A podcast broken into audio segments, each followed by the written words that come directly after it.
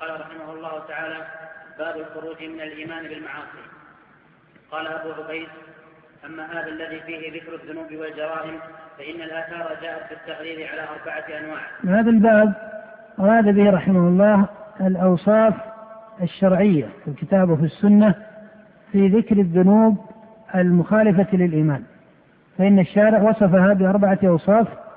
سيذكر المصنف رحمه الله هذه الأوصاف ويبين المذاهب في تفسيرها ثم يبين الصواب عند السلف. وهذا باب فاضل ولا سيما أن بعض المذاهب التي ذمها المصنف عند ذكره لها قد دخلت على كثير من متأخري أهل السنة ففسروا مثل هذه الأحاديث أو ما هو من هذه الأحاديث بها. نعم. قال فاثنان منها فيها نفي الإيمان والبراءة من النبي صلى الله عليه وسلم. يعني أحاديث أو أو أدلة شرعية في الإيمان لموجب عمل ومثاله لا يزني الزاني حين يزني وهو مؤمن فهذا نفي الإيمان. قال والبراءة من النبي صلى الله عليه وسلم كحديث من غش فليس منا. والآخران؟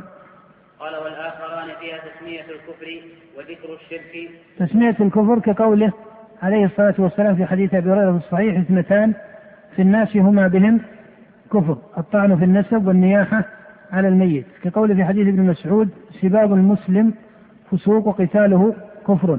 أيما عبد أبق من مواليه فقد كفر حتى يرجع إليهم. إلى أمثال ذلك. وكذلك الشرك. كقول من حلف بغير الله فقد كفر أو أشرك. نعم. هذه إذن أربعة أوصاف. نفي الإيمان البراءة ليس منا. تسمية العمل كفرا اثنتان في الناس هما بهم كفر. تسمية العمل شركا من حلف بغير الله فقد كفر أو أشرك. هذا هو أمثلتها. ثم قال فهذه أربعة أربعة أنواع من الحديث. قد كان الناس فيها نعم. قال رحمه الله فهذه أربعة أنواع من الحديث قد كان الناس فيها على أربعة أصناف من التأويل. فطائفة مراده بالتأويل هنا التفسير. مراده بالتأويل التفسير. نعم. قال فطائفة تذهب إلى كفر النعمة. وثانية تحملها على التغليظ والترهيب وثالثة تجعلها كفر أهل الردة ورابعة ورابعة تذهبها كلها وتردها. قال فكل هذه الوجوه عندنا مردودة غير مقبولة لما يدخلها من الخلل والفساد. والذي يرد المذهب الأول ما نعرفه من كلام العرب ولغاتها وذلك أنهم لا يعرفون كفران النعم إلا بالجحد لأنعام الله وآلائه. وهو كالمخبر عن نفسه على نفسه بالعدم وقد وهب الله له الثروة أو بالسقم. إذا قوله فطائفة تذهب إلى كفر النعمة أي تفسر هذه النصوص بكفر النعمة. وهنا سؤال هل المصنف أراد إبطال هذا التفسير آه، مطلقا أم أراد إبطال آه، اضطراد هذا التفسير؟ أيهما؟ أراد الثاني أن هذا التفسير غلط إذا استعمل طردا في سائر هذه الأنواع من النصوص.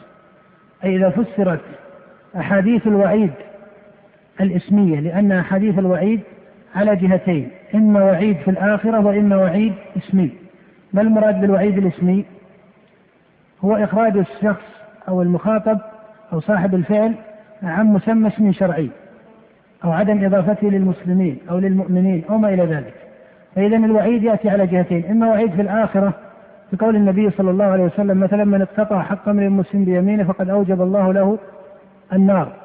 وكقول الله تعالى إن الذين يأكلون أموال اليتامى ظلما إنما يأكلون في بطونهم نارا ما أسفل من الكعبين ففي النار. هذا حديث إيش؟ وعيد في الآخرة هذا باب آخر هذا باب آخر. الوعيد الثاني هو الوعيد الاسمي الذي يستعمل في أسماء الإيمان والدين وذكر البراءة أو المفارقة أو المخالفة لها. كقوله لا يزني الزاني حين يزني وهو مؤمن تسمية العمل كفرا إلى أمثال ذلك. المذهب الأول قال فيه المصنف فطائفة تذهب إلى كفر النعمة أي تذهب إلى تفسير هذه النصوص بأنها من باب كفر النعمة. المصنف اعترض على هذا بأن العرب لا تعرف هذا الطرد وهذا صحيح. لا يجوز أن تفسر جميع هذه النصوص في سائر مواردها بأنها من باب كفر النعمة قال لأن كفر النعمة هو الجحد للآلاء أو ما إلى ذلك وهذا هو الذي تعرفه العرب ولكن ينبه إلى أن المصنف رحمه الله لم يرد إيش؟ إبطال هذا التفسير من كل وجه أو في سائر الموارد وإنما أراد إبطال الطرد له وإلا فإن الله يقول إنا خلقنا الإنسان من نطفة أمشاج نبتليه فجعلناه سميعا بصيرا إنا هديناه السبيل إما شاكرا وإما كفورا. فلا شك أن من خالف فقد كفر شيئا من النعم. فإذا أراد المصنف أن بعض الأحاديث لا تناسب هذا التفسير لغة وهذا صحيح. وأما أن هذا حكم على سائر مواردها فهذا لم يرد المصنف. هذا لم يرد المصنف. وإنما الذي أراد النفي له أن هذا يسمى في باب كفران النعم وكأن المصنف إنما رفض هذا التفسير طردا لأنه من جنس تفسير من؟ من يجيب؟ أحسنت أو الإباضية من الخوارج الإباضية من الخوارج يحملون أحاديث الوعيد على تفسير واحد وهو أنها تدل على كفر النعمة. ولهذا ترى أن الجمهور من الخوارج يقولون مرتكب الكبيرة ماذا؟ كافر كفر ملة. والإباضية منهم يقولون كافر كفر نعمة. الإباضية التزموا في سائر هذه الأحاديث يفسرونها بكفران إيش؟ النعمة. هذا الطرد هو طرد مخالف للغة مخالف لطريقة السلف. بل كان السلف يفسرون كل وعيد من الوعيد الاسمي بحسب ما يقتضيه بحسب ما يقتضيه السياق. قد يكون السياق يقتضي أنه كفر نعمة فيجعلونه كفر نعمة أو أن السياق يقتضي ما هو آه، ليس كذلك فيفسرونه بموجبه. قد تقول إن كل من عصى الله سبحانه وتعالى فإن فإنه يلزمه أن يكون كافرا لشيء من نعمه. يقال هذا من باب اللوازم صحيح. وفرق بين تفسير الاسم بحقيقته وتضمنه وبين تفسيره بإيش؟ بلازمه. فإن الأسماء تفسر بحقائقها المطابقة أو ماذا؟ أو المتضمنة. وأما اللوازم فإنها باب آخر. وأما اللوازم فإنها باب آخر. ولذلك لا شك أن كل من أتى كبيرة من الكبائر فقد إيش؟ كفر لأن الله لم يجعل الناس إلا أحد شخصين إما شاكرا وإما كفورا. ولكن هذا من باب اللوازم في بعض الموارد. وقد يكون من باب المطابقة في بعض الموارد. وأما جعله مضطردا مطابقا فهذا هو الذي أراد المصنف عيبه. نعم. قال والثاني تحميل أو حملها على التغليظ والترهيب. وهذا أيضا شاع عند المتأخر بعض المتأخرين من أهل السنة ونسبوه للسلف أن السلف يذهبون إلى أن هذه الأحاديث في الوعيد الاسمي وبعضهم حتى في وعيد الآخرة يقولون إن هذا من باب التغليظ والترهيب وليس على ظاهره أو حقيقته هذا أيضا بدعة لم ينطق بها السلف وإنما موجب إضافتها للسلف أو لطائفة منهم أنه جاء عن بعض السلف أحرف قد كانت زمن السلف من المفصل وصارت زمن المتأخرين من إيش؟ من المجمل. هذا هو موجب دخول هذا الغلط على الإضافة إلى السلف. أن السلف أو طائفة من السلف بعبارة أدق قد قالوا مثلا أمروها كما جاءت. كما قالوا هذه الصفات بعضهم ترك تفسير أحاديث الوعيد. ولما سئل عنها قال هي على ما قال الله ورسوله وأراد الله وإيش؟ ورسوله صلى الله عليه وسلم. فكان بعضهم أحيانا يترك التفسير لها. ففهم من هذا عند بعض المتأخرين أنهم ما كانوا يذهبون إلى أنها على حقيقتها وظاهرها. فقالوا إذا يراد بها الترهيب والتغليب. وهذا المذهب كما أسلفت ليس قولا معروفا لأحد من السلف. وإن كان بعض السلف قد نطق بأحرف مجملة عند المتأخرين قد كان السلف يعدونها من مفصل القول قد كان السلف يعدونها من مفصل القول.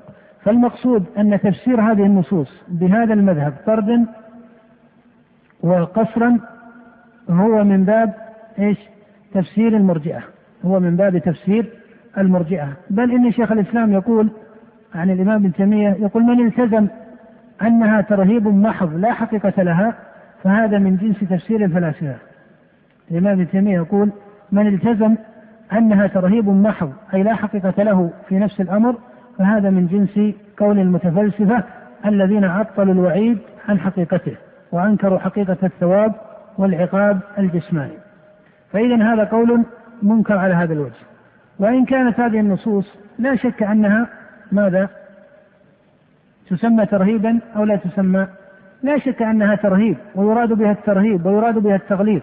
ولكن الذي قصد أبو عبيد وغيره من أئمة السنة الإبطال له قصدوا أنه لا يصح أن تقصر على مجرد الترهيب الذي معناه أنها لا حقيقة لها في نفس الأمر. بل لما قال الشارع عليه الصلاة والسلام لا يزني الزاني حين يزني وهو مؤمن فنفي الإيمان هنا له له حقيقة أو ليس له حقيقة؟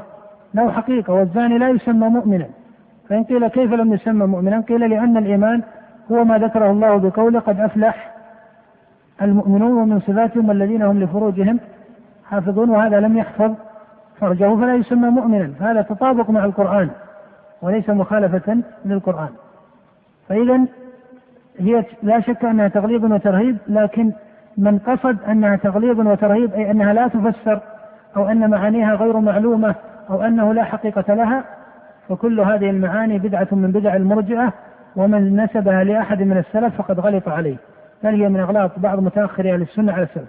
كما أن بعض متأخر أهل السنة فسروا الأحاديث بأنها من باب كفران النعمة. وهذا أيضا إذا طرد فإنه يكون غلطا على السلف. وأما إذا قصر على مقامه المناسب أو على مبدأ اللوازم فهذا باب آخر وهو وجه صحيح. نعم. وثالثة؟ نعم وثالثة. قال وثالثة تجعلها كفر أهل الردة. هذا لم يختلط على أحد من أهل السنة. هذا معروف أنه قول الخوارج أو الجمهور من الخوارج. وهذا القول كما قال شيخ الإسلام ابن تيمية قول الخوارج لم يدخل شيء من مادته على أئمة السنة والجماعة أو من انتسب إليهم. قال وإنما الذي دخل شيء من مادته على بعض أئمة السنة ومن اشترك معهم ونصر مذهبهم فهو قول المرجئة فهو قول المرجئة فإذا تفسيرها بأنها من باب كفر الردة هذا لم يقول به أحد من أئمة السنة ولا أشكل على أحد هذا معروف أنه قول لجمهور الخوارج وهو قول بدعي بخلاف القول الأول أو التفسير الأول والتفسير الثاني ففيه اشتباه كثير وموجب اشتباهه ماذا؟ أنه هل هو غلط محض من كل وجه؟ هل هو غلط محض من كل وجه؟ الصواب أنه ليس غلطا محضا وإنما الغلط في طرده أو في القصر عليه أو مع إلى ذلك. نعم. قال ورابعة تذهبها كلها وتردها. وهذا قول أشد إنكارا من سابقه. فإن قيل فمن الذي يذهب إلى هذا القول؟ قيل لم يعرف عن طائفة معينة في المسلمين أنها تبطل سائر الوعيد. حتى من يقول بترك أخبار الآحاد وعدم الاستدلال بها فإن هذا الوعيد مستعمل أين؟ مستعمل في القرآن. فإن هذا الوعيد مستعمل في القرآن. والمصنف ذكر له مثالا من القرآن وهو قول الله تعالى ومن لم يحكم بما أنزل الله فأولئك هم الكافرون. فإذا من هي الطائفة التي ترد كل هذه الأحاديث أو كل هذا الباب؟ آه هنا يفسر كلام أبي عبيد على أحد وجهين. إما أنه أراد الأحاديث لأن أمثلته في الجملة من الأحاديث وهو في مبدأ كلامه. يقول فهذه أربعة أنواع من الأحاديث إلى أمثال ذلك. فإن أراد الأحاديث فكأنه قصد من طعن في هذه الأحاديث على معنى أنها ليست من ليست من المتواتر. وإن أراد بهذا النوع حتى ما دخل فيه من نصوص القرآن فالطائفة التي ترد ليست طائفة معينة وكأنه أراد الطوائف البدعية التي لم تحقق هذه الأحاديث ولم تعتبر حقائقها وخالفتها في أقوالها وما إلى ذلك. فيكون من باب المرادات العامة وليس من باب المرادات الخاصة. مسألة تعيين الطوائف ليس أمرا مقصودا لذاته. مثلا شيع في كلام المرجئة أو شاع في كلام بعض المرجئة أن مرتكب الكبيرة أو أنه القول المشهور عن المرجئة لا يضر مع الإيمان ذنب وأن مرتكب الكبيرة في الآخرة إلى الجنة وليس هناك وعيد لأهل الكبائر ولا أحد منهم يعرض للوعيد إلى غير ذلك. هذا القول شائع. عن المرجئة أو عن طائفة المرجئة أو عن غلاة المرجئة مع أنه لم ينضبط قولا لأحد من الأعيان. حتى الإمام ابن تيمية نص على هذا في منهاج السنة. وإن كان الأشعري في المقالات نسبه وكذلك ابن حزم نسبوا هذا القول إلى مقاتل ابن سليمان. وابن تيمية يقول هذا لم يعرف لقائل معين. هو لم يفد شيخ الإسلام أن أنه نسب لمقاتل. وفي منهاج السنة قال إن من أهل المقالات من ينسبه إلى مقاتل ابن سليمان ولا يصح ذلك عنه. نعم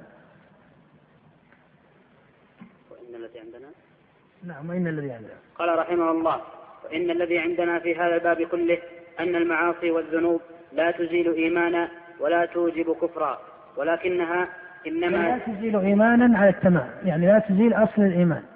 ولا توجب كفرا أي لا توجب كفر الردة ولا توجب اسم كفر النعمة على الإطلاق.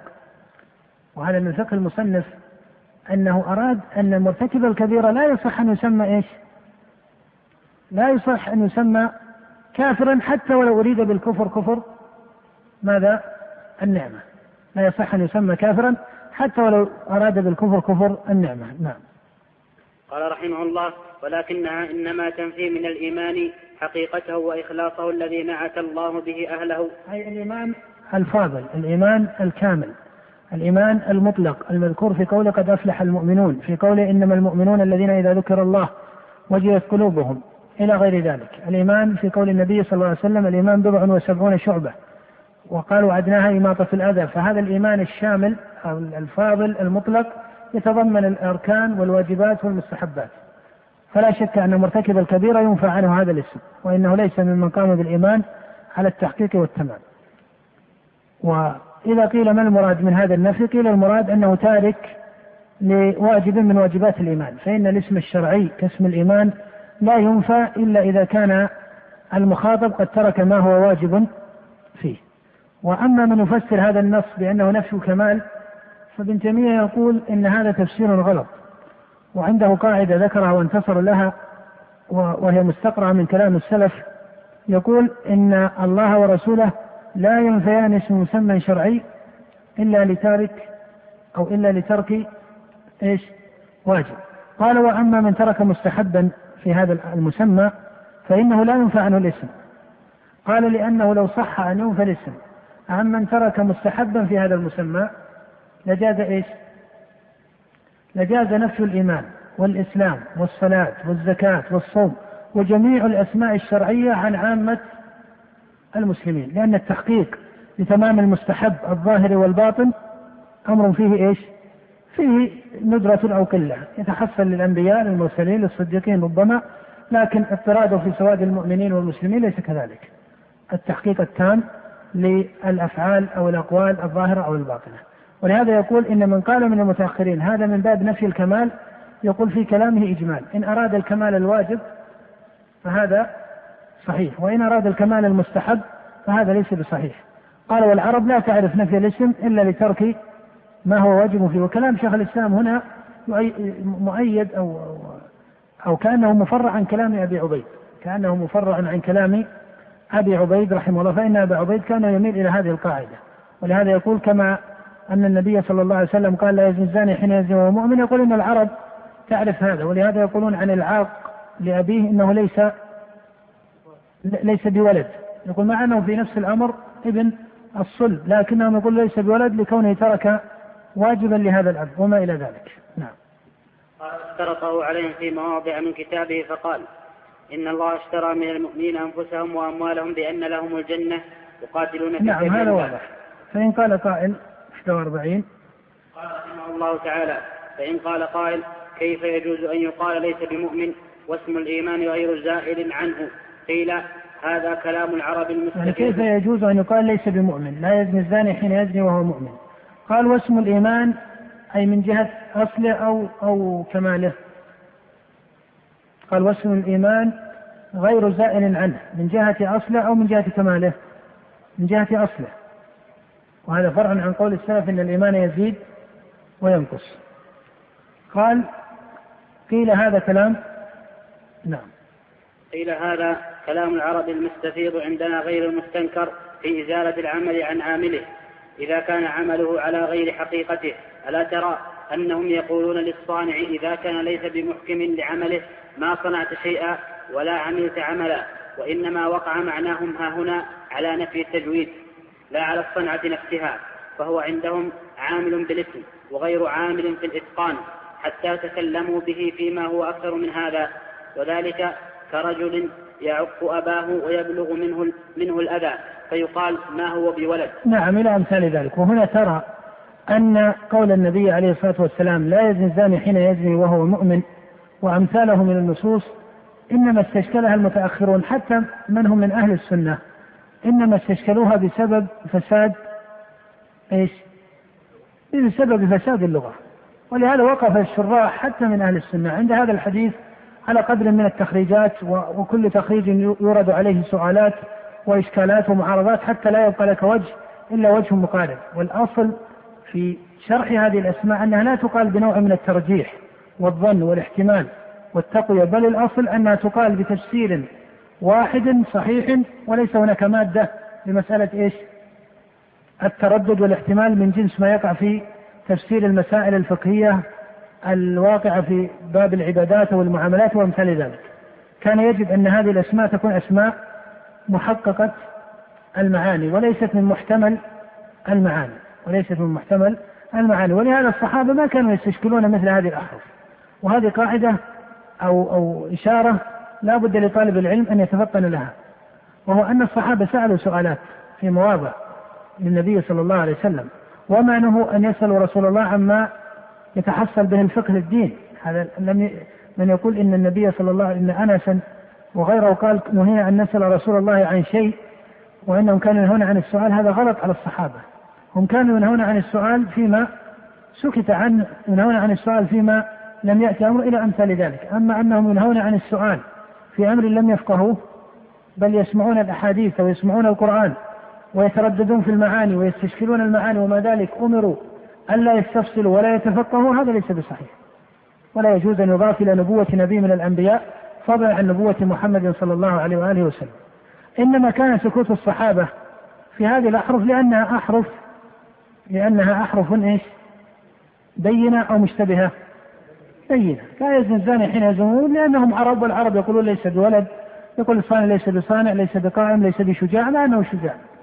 ليس بعادل مع أنه يعدل أحيانا. لكن لما ترك العدل في هذه القضية قيل ليس ليس بإيش؟ بعادل وهلم جرا فإذا مسألة اللغة أصل في التفسير. مسألة اللغة أصل للتفسير. نعم. قد وجدنا. نعم. قال رحمه الله تعالى وقد وجدنا مع هذا شواهد لقولنا من التنزيل والسنة. فأما التنزيل فقول الله جل ثناؤه في أهل الكتاب حين قال وإذ أخذ الله ميثاق الذين أوتوا الكتاب لتبيننه للناس ولا تكتمونه فنبذوه وراء ظهورهم. أقرأ في قوله قال أبو عبيد في هذه الآثار ثم قال وكذلك الأحاديث التي فيها البراءة فهي مثل قوله 43 طيب.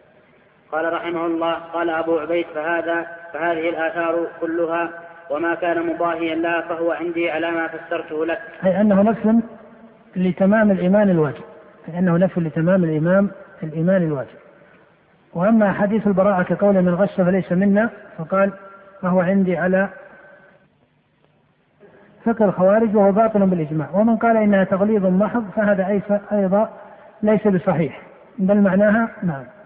قال إنما مذهبه عندنا أنه ليس من المطيعين لنا ولا من المقتدين بنا ولا من المحافظين على شرائعنا وهذه النعوت وما أشبهها. وقد كان سفيان بن عيينة يتأول قوله ليس منا ليس مثلنا. يتأول أي يفسر. ليس مثلنا. أي أنه ليس على شريعتنا المحققة الواجبة. ولم يرد سفيان ليس مثلنا أي أنه ليس كالنبي صلى الله عليه وسلم في التمام والإيمان. فإنه لا أحد حتى من لم يغش لا أحد يكون مثل النبي صلى الله عليه وسلم. وإنما مراده وأمثاله من السلف أن هذا التارك لهذا العمل أو الفاعل لهذه الكبيرة يكون قد خرج عن الولاية النبوية العامة ولهذا أصبح لا يضاف إليه بمثل هذا المقام أو في مثل هذا المقام وهذا يدل على أن هذا الفعل كبيرة أو أنه ترك لواجب من واجبات آه، الشريعة. قال وأما الآثار قال وأما الآثار المرويات بذكر الكفر والشرك ووجوبهما بالمعاصي فإن معناها عندنا ليست تثبت على أهلها ليست تثبت على أهلها كفرا ولا شركا يزيلان الإيمان عن صاحبه. الذي هو كفر الردة ليس المراد بقوله اثنتان في الناس هم بهم كفر أي أنهم كفروا وارتدوا ككفرها بجهل. هذا مجمع على بطلانه. نعم. قال إنما وجوهها أنها من الأخلاق والسنن. نعم ولا يقال إنها كفر نعمة باضطراد لأنه قد لا يكون المقام مناسبا.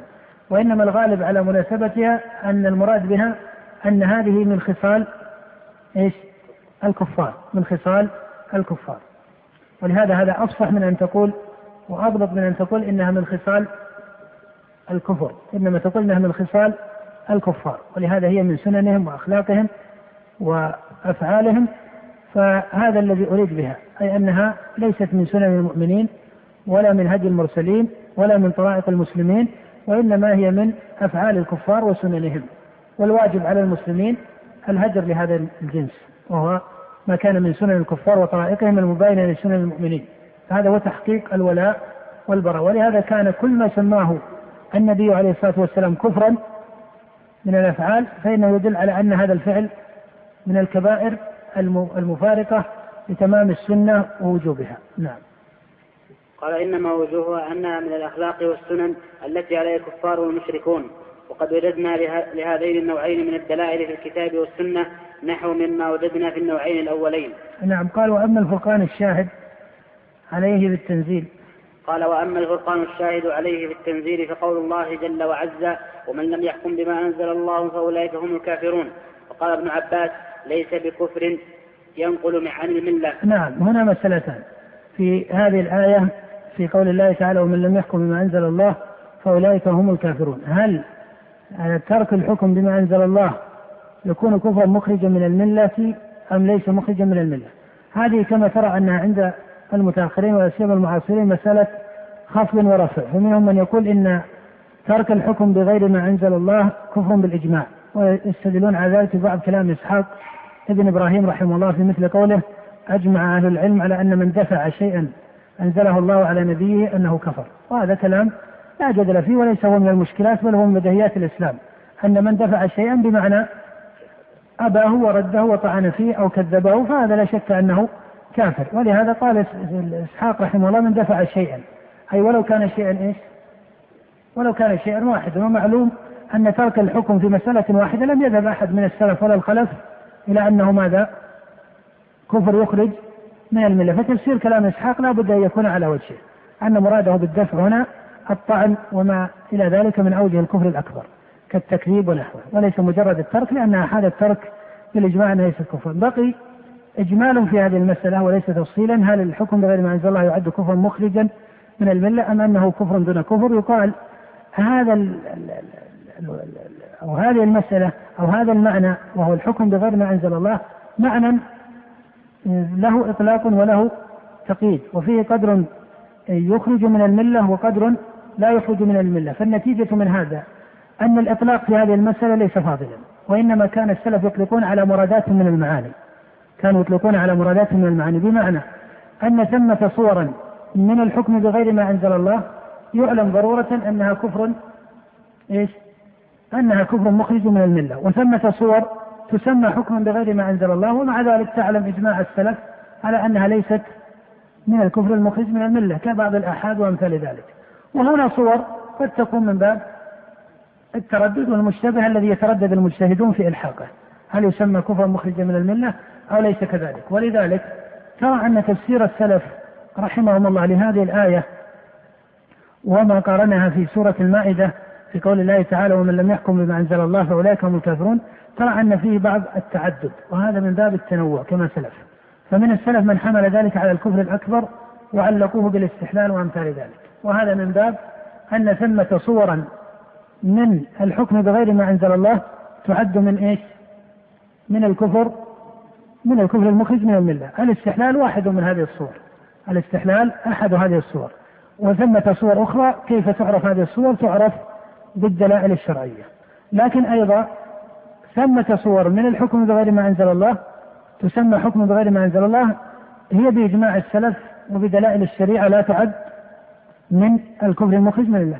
ثمة صور كما أسلفت. أنها محل تردد واجتهاد وقد يكون قدر من الاشتباه. هذا بحسب مقامات العلماء. وعليه فالقصد إلى التزام حرف واحد. الحكم بغير ما أنزل الله مخرج من الملة. وهذه طريقة السلف. ويأتي مقابل من السلفيين الفضلاء فيقرر أن الحكم بغير ما أنزل الله عند السلف ليس مخرجا من الملة. فيكون مثل هذا التعارض. هذا لفظ مجمل في القرآن. ولو صح أو إذا قيل إن من السلف من حمله أو حامل تفسير الآية على المخرج من الملة ومنهم من حمله على غير المخرج من الملة قيل هذا بحسب فهم السلف للمراد من السياق. فمنهم من فهمه على مراد لا يخرج من الملة فسر الآية به ومنهم من حمله على مراد أو سورة تخرج من الملة ففسر الآية به. ولو فرض جدلا أن السياق المراد في كلام الله على أحد الصورتين فإن هذا لا ينفي وجود الصورة الأخرى. لو فرض أن السياق في ذكر الكفر الأكبر. قيل لا شك أن ثمة حكم بغير ما أنزل الله يسمى إيش؟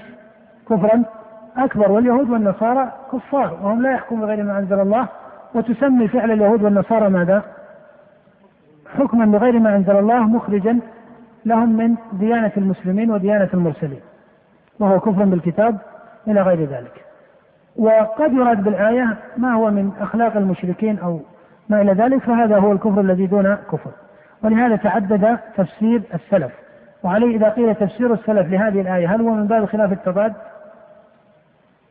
ظاهره أنه من باب خلاف التضاد لأن منهم من يقول كفر دون كفر ومنهم من يقول إيش؟ كفر أكبر أو هو الكفر بالله هذا في ظاهره أنه إيش؟ أنه من من خلاف التضاد أليس كذلك؟ الصواب أنه تنوع لما؟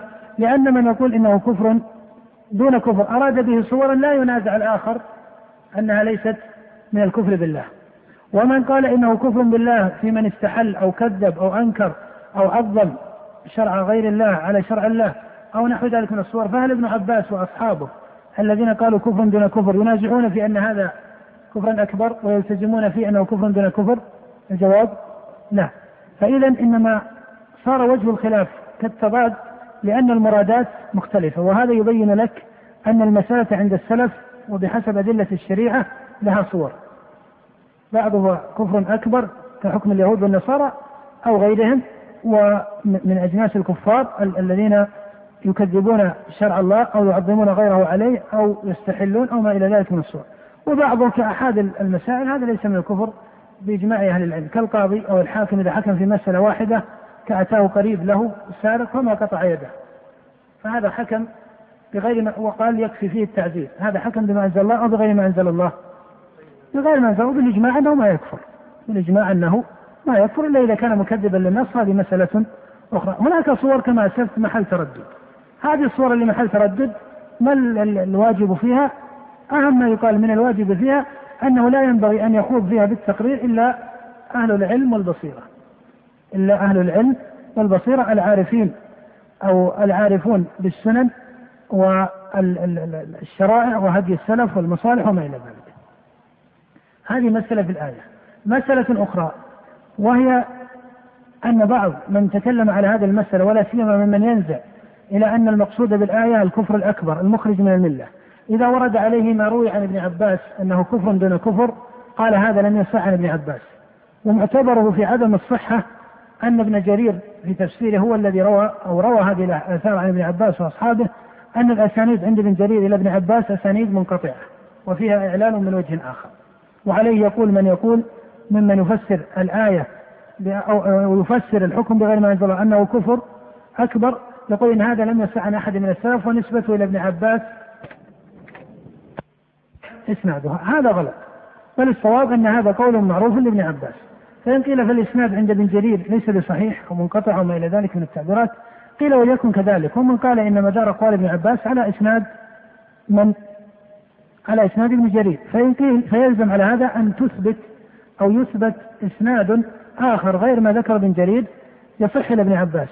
قيل إما أن يلزم هذا أو يلزم أو يكتفى بتصريح الأئمة بأن هذا قولا لابن عباس. وهذا هو الذي يجزم به في هذا المجلس. التتبع لم يقع. لي تتبع في هذا هل هناك اسانيد أخرى إلى ابن عباس؟ الله أعلم بهذا. لكن الذي يجزم به أن هذا قول معروف لابن عباس وجه الجزم به أن الأئمة الكبار كانوا يعتبرونه قولا لابن عباس. كالإمام أحمد فإنه كان يقول بهذا القول في بعض تفسير الآية ويقول أو ينسب هذا القول لابن عباس. الإمام البخاري يفسر الآية بهذا التفسير وينسبه لمن؟ أو يرويه عن أو يضيف هذا القول إلى ابن عباس. ولذلك وأبو عبيد كذلك وهو من أهل الحديث والفقه واللغة يروي ابن عباس. القصد أن جملة من السلف نصوا على أن هذا قول لابن عباس. الإسناد الذي عند ابن جرير واحد من الأسانيد. وأنت تعرف أن بعض حديث البخاري لها أسانيد عند الطبراني أو غيرها أسانيد مظلمة. مع أن الحديث قد يكون من الأحاديث المتفق عليها بين أهل الحديث. فإسناد واحد ليس مقياسا للصحة أو للضعف كما هو معروف عند أهل العلم فإذا معتبر صحة هذا قول لابن عباس أن السلف كأحمد والبخاري وأبي عبيد نصوا على أن هذا مذهب لمن؟ لابن عباس ثم إنه في الجدل والنظر ما الذي يمنع أن ابن عباس يريد هذا؟ هل ابن عباس أراد أن الحكم بغير ما أنزل الله في سائر صوره ليس كفرا مخرجا من الملة؟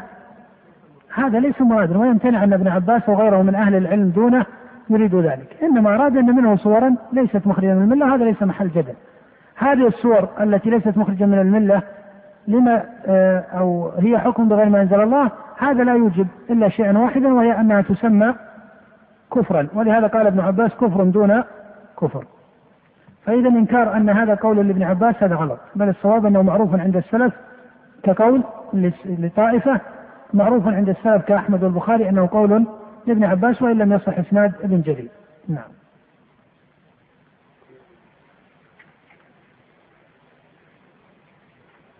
نعم اقرأ. فتبين لنا أنه كان ليس بناقل. قال وقال ابن عباس في نفس الآية. قال فتبين لنا أنه كان ليس بناقل عن ملة الإسلام أن الدين باق على حاله وإن خالطه ذنوب. فلا معنى له إلا خلاف الكفار وسنتهم على ما أعلمتك من الشرك سواء لأن من سنن الكفار الحكم بغير ما أنزل الله. ألا تسمع قوله أفحكم الجاهلية يبغون؟ تأويله عند أهل التفسير أن من حكم بغير ما أنزل الله وهو على ملة الإسلام كان بذلك الحكم كأهل الجاهلية. إنما هو أن أهل الجاهلية كذلك كانوا يحكمون. وهكذا قوله ثلاثة من أمر الجاهلية الطعن في الأنساب والنياحة والأنواع ومثله الحديث الذي يروى عن جرير وأبي البختري الطائي ثلاثة من سنة الجاهلية النياحة وصنعة الطعام وأن تبيت المرأة في أهل الميت من غيرهم. وكذلك الحديث آية المنافق ثلاث إذا حدث كذب وإذا وعد أخلف وإذا اؤتمن خان وقول عبد, وقول عبد الله الغناء ينبت النفاق في القلب. نعم إلى أمثال هذه التسميات. وتحصل من هذا أن النبي صلى الله عليه وسلم سمى بعض الأعمال كفرا أو نفاقا. في قوله آية المنافق ثلاث في حديث أبي هريرة الصحيح في حديث عبد الله بن عمر المتفق عليه أربع من كنا فيه كان منافقا خالصا وفي وجه عند مسلم في حديث أبي هريرة وإن صلى وصام وزعم أنه مسلم. فهذا منافق. ومراده عليه الصلاة والسلام بالمنافق هنا ليس المنافق النفاق الأكبر الذي قال الله فيه إن المنافقين في الدرك الأكثر في الدرك الأسفل من النار. في الدرك الأسفل من النار. وعليه فقول وإن صلى وصام زعم أنه مسلم فهو منافق. فإن قيل هذا مشكل كأنه إخراج له عن الإسلام أو حكم عليه بالنفاق الأكبر قيل ليس كذلك. فإن الأسماء قد تتوارد على مسمى واحد ويكون المقام مختلفا ويكون المقام مختلفا. ولهذا صاحب الكبيرة تسميه مؤمنا في مقام وتسميه مسلما في مقام وتسميه فاسقا في إيش؟ في مقام آخر ولهذا إذا قيل أصحاب الكبائر من المسلمين أي الأسماء تصح لهم الإيمان أن يسمون مؤمنين أم مسلمين أم فساقا قيل جميع هذه الأسماء تصح باعتبار إيش؟ مقامات فإذا ما أريد مثلا العتاق أو التوارد قيل عن مرتكب الكبيرة إنه إيش؟ إنه مؤمن. على قول الله تعالى فتحرير رقبة مؤمنة ولو أعتق فاسقا صح بالإجماع. وهو معنى قول النبي أعتقها فإنها مؤمنة. وإذا أريد آه، بيان ما هو عليه من الكبيرة والمفارقة للسنة والشريعة وبيان الطعن عليه لإسقاط عدالته أو لذمه أو لذم فعله أو أمثال ذلك سمي إيش؟ سمي فاسقا. وإذا اعتبر الأصل فيه سمي مسلما. ولهذا إذا تبين لك أن أن سائر هذه الأسماء الثلاثة تستعمل في حق صاحب الكبيرة فإنه يقال بعد ذلك أيها الأصل فيه. الأصل فيه اسم الإسلام أو الإيمان أو الفسق. الإسلام. ويغلط من يقول الأصل فيه اسم الفسق. والصحابة ما كانوا يلتزمون عن كل من أتى جرما أو كبيرة أن يلتزم دائما معه اسم الفاسق حتى لا يذكر بالإسلام في شيء بل يسمى مسلما. هذا هو الصحيح. أنه يسمى مسلما هذا هو الأصل فيه. لكن يسمى فاسقا يسمى فاسقا إذا اقتضى الأمر ذلك. إما بيانا لعدالته أو ذما أو ما إلى ذلك يسمى مؤمنا إذا اقتضى الأمر ذلك أو دخل في جملة الخطاب. كقول الله تعالى يا أيها الذين آمنوا فيدخل في ذلك كل المسلمين ولو كان منهم فاسقا أو ما إلى ذلك. نعم. هنا أيضا مسألة في مسألة تسمية الشارع لبعض الأعمال نفاقا أو كفرا أن هل يجوز أو هل يصح أن تسمى بعض الكبائر كفرا أو نفاقا من باب الطرد للتسمية أم أنه يجب الاقتصار على تسمية الشارع؟ أيهما؟ يعني مثلا لو أن قائلا قال إن النبي صلى الله عليه وسلم قال أيما عبد أبط من مواليه فقد كفر. وهنا كبائر مثل الإباق العبد أو أشد منه. فلما كان الشارع سمى إباق العبد كفرا والحديث الصحيح ساغ لنا أن نسمي ما مثلها في الدرجة أو كان أشد منها مخالفة لله ولرسوله أن نسميها كفرا. الجواب يصح أو لا يصح؟ الجواب أنه لا يصح. لما لأن الشارع إنما سمى ما سماه من الأعمال كفرا مع عدم خروج صاحبها من الملة أو سمى ما سماه من الأقوال أو الأعمال نفاقا. لأنه اعتبر في ذلك الدرجة أي درجة الذنب أو تقول بعبارة أفصح اعتبر في ذلك القدر والمناسبة. ولهذا هل سمى الشارع صغيرة من الصغائر كفرا أو نفاقا؟ الجواب لا. كل ما سماه كفرا ونفاقا فهو من الكبائر. فهذا اعتبار من الشارع لإيش؟ للقدر أي لقدر الذنب. فإذا الشارع إنما سمى بهذه التسمية اعتبارا للقدر ولهذا ما جعل في الكبائر واعتبارا للمناسبة. ما وجه اعتبار المناسبة؟ أي مناسبة العمل لماذا؟ للاسم الذي سمي به. ولهذا أترون مناسبة بين تسمية الكذب نفاقا أو ليس هناك مناسبة. واضح. المناسبة بينة. إذا خاصم فجر أي تعدى وكذب وخلط إلى آخره. المناسبة بين هذا وبين النفاق بينة أو غير بينة؟ بينة. وإذا اؤتمن خان المناسبة بينة وإلى غير بينة؟ بينة. كذلك أيما عبد أبق من مواليه فقد كفر. المناسبة لتسمية هذا العمل كفرا بينة أو غير بينة؟ بينة لأن العبد أهله عليه نعمة وهو ملك لهم إلى غير ذلك. فإذا الشارع إنما سمى ما سماه اعتبارا للقدر واعتبارا للمناسبة. وهذا التقرير منع القياس والطرد كما يستعمله ابن القيم رحمه الله فإنه ليس بصحيح. ومما يبين لك ذلك أن النبي صلى الله عليه وسلم أراد التفصيل فقال سباب المسلم في حديث ابن مسعود الصحيح إيش؟ فسوق وقتاله كفر فكان الشارع يقصد إلى ذكر المناسبة كما يقصد إلى ذكر القدر. ولهذا ما روي عن الحسن البصري أنه يسمي الفاسق منافقا هذا مما خلفه فيه العامة من السلف. وإن أراد الحسن أنه منافق النفاق الأصغر فهذا مما خلفه فيه العامة من السلف. فإذا الصواب أنه يقتصر على تسمية الشارع ولا تسمى أو لا يسمى عمل أو قول إنه كفر أو نفاق إلا إذا كان الله أو رسوله صلى الله عليه وسلم سماه كذلك. وأما القياس فليس بصحيح لأن مبنى ذلك على القدر وإيش؟ والمناسبة والعلم بالمناسبة هو من خصائص صاحب الشريعة هو الذي يضبط المناسبات. وأما الناس فإنهم يسمون الأعمال بمطلقها. وإذا انغلق هل يسمى نفاقا أو يسمى كفرا أو غير ذلك؟ يسمى معصية يسمى فسقا. ولهذا هناك أسماء مطلقة في الكبائر. كالمعصية فإنك تسمي. الكبائر معاصي. هناك أسماء مطلقة كالفسق تسمي سائر الكبائر إيش؟ فسقا. أما أنك تسميها كفرا ونفاقا فهذا مختص بتسمية الشارع لهذا الاعتبار.